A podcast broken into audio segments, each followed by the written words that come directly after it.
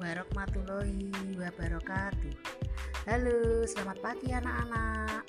Kita berjumpa lagi dengan Bu Nini. Bagaimana kabarmu hari ini? Semoga baik-baik saja ya anak-anak. Di sini Ibu Nini akan bercerita tentang wayang. Wayang, cerita wayang iku nggambarake lakone menungso baburane cerita wayang iku ana loro yaiku Ramayana lan Mahabharata. Ramayana nyeritakake lelakone Rama Wijaya lan Dewi Sinta. Nalika penganten anyar, Sinta diculik dening Rahwana Raja ing negara Alengka.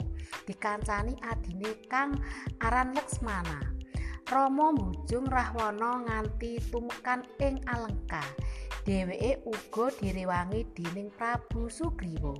Ratu Kethek saprajurite kang manggon ana ing Guwa Kiskenta.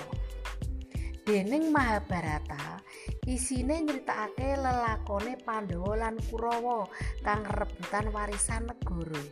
Pandhawa lan Kurawa padha-padha rumangsa nduweni hak negara Astina. Kurawa sing cacahe ana 100 tumindak culika.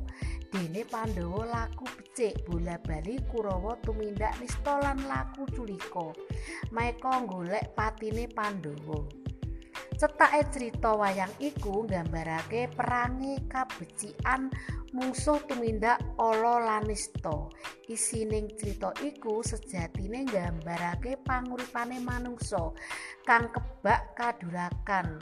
Usanane tumindak ala duraka lan nista bisa ditumpes dening kebecikan ngelingi isining cerita wayang iku akeh ajaran lan pitutur luhur kang patut dituladani.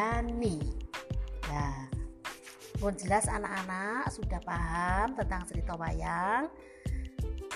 Akhir kata wassalamualaikum warahmatullahi wabarakatuh